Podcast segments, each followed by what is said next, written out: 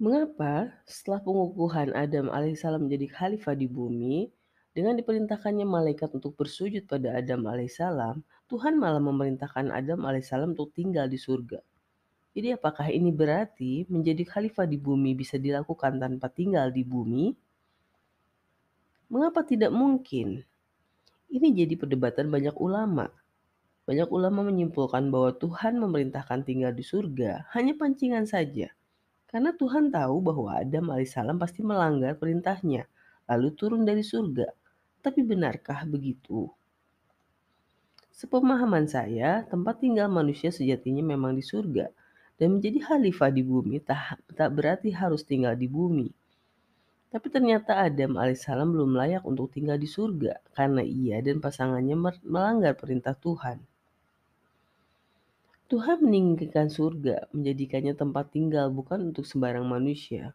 Maka Adam alaihissalam diperintahkan turun ke bumi untuk membenahi dirinya agar layak menjadi penghuni surga dengan mengikuti apa yang akan diberikan Tuhan pada manusia keseluruhan. Apakah ini berarti manusia adalah ciptaan Tuhan yang gagal?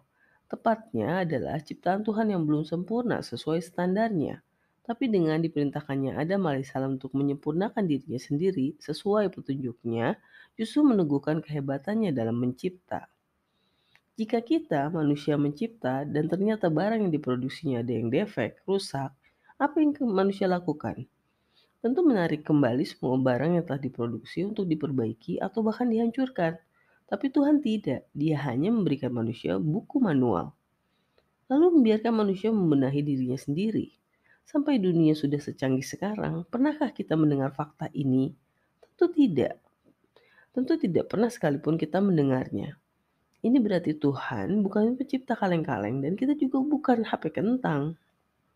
Maksudnya, kemampuan manusia mengupgrade dirinya sehingga manusia mampu menyempurnakan dirinya menunjukkan kualitas sang pencipta yang mampu menghasilkan ciptaan yang luar biasa. Inilah kita, ciptaan Tuhan semesta alam kita adalah robot berartificial intelligence versi Tuhan. Tapi sekeren-kerennya robot, robot tetaplah robot. Sayangnya memang begitulah faktanya. Kita bukan Tuhan, kita ciptaan. Maukah menerima fakta itu? Kita punya tombol on atau off. Dia berkuasa meng-on-kan atau meng-off-kan kita sesuka dia kita juga punya tugas yang harus dijalankan karena dia mencipta tentu dengan tujuan, seperti saat mencipta malaikat untuk bersujud pada Adam alaihissalam. Selain itu kita juga harus terus membenahi diri agar layak untuk menempati rumah sejati kita. Maka semua manusia semestinya merindukan surga. Tuhan juga menyatakan bahwa dalam kehidupan dunia kita akan punya musuh. Bukankah setiap film superhero memang selalu ada musuh? Musuh tidak selalu berefek buruk, tanpa musuh, hidup mungkin terasa begitu membosankan dan manusia jadi tidak memiliki pencapaian. Itulah yang akan dilakukan manusia di dunia, menyadari rumah sejatinya, memahami dirinya sebagai ciptaan, membenahi diri, menjalankan tugasnya, dan melawan musuhnya. Hmm, apakah kisah kehidupan versi Tuhan ini menarik menurutmu?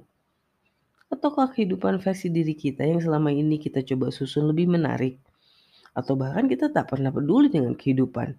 Kita hanya ingin mengisi hidup dengan bersantai, bermalas-malasan, membuang waktu menunggu kematian. Karena kehidupan ini terasa sangat indah.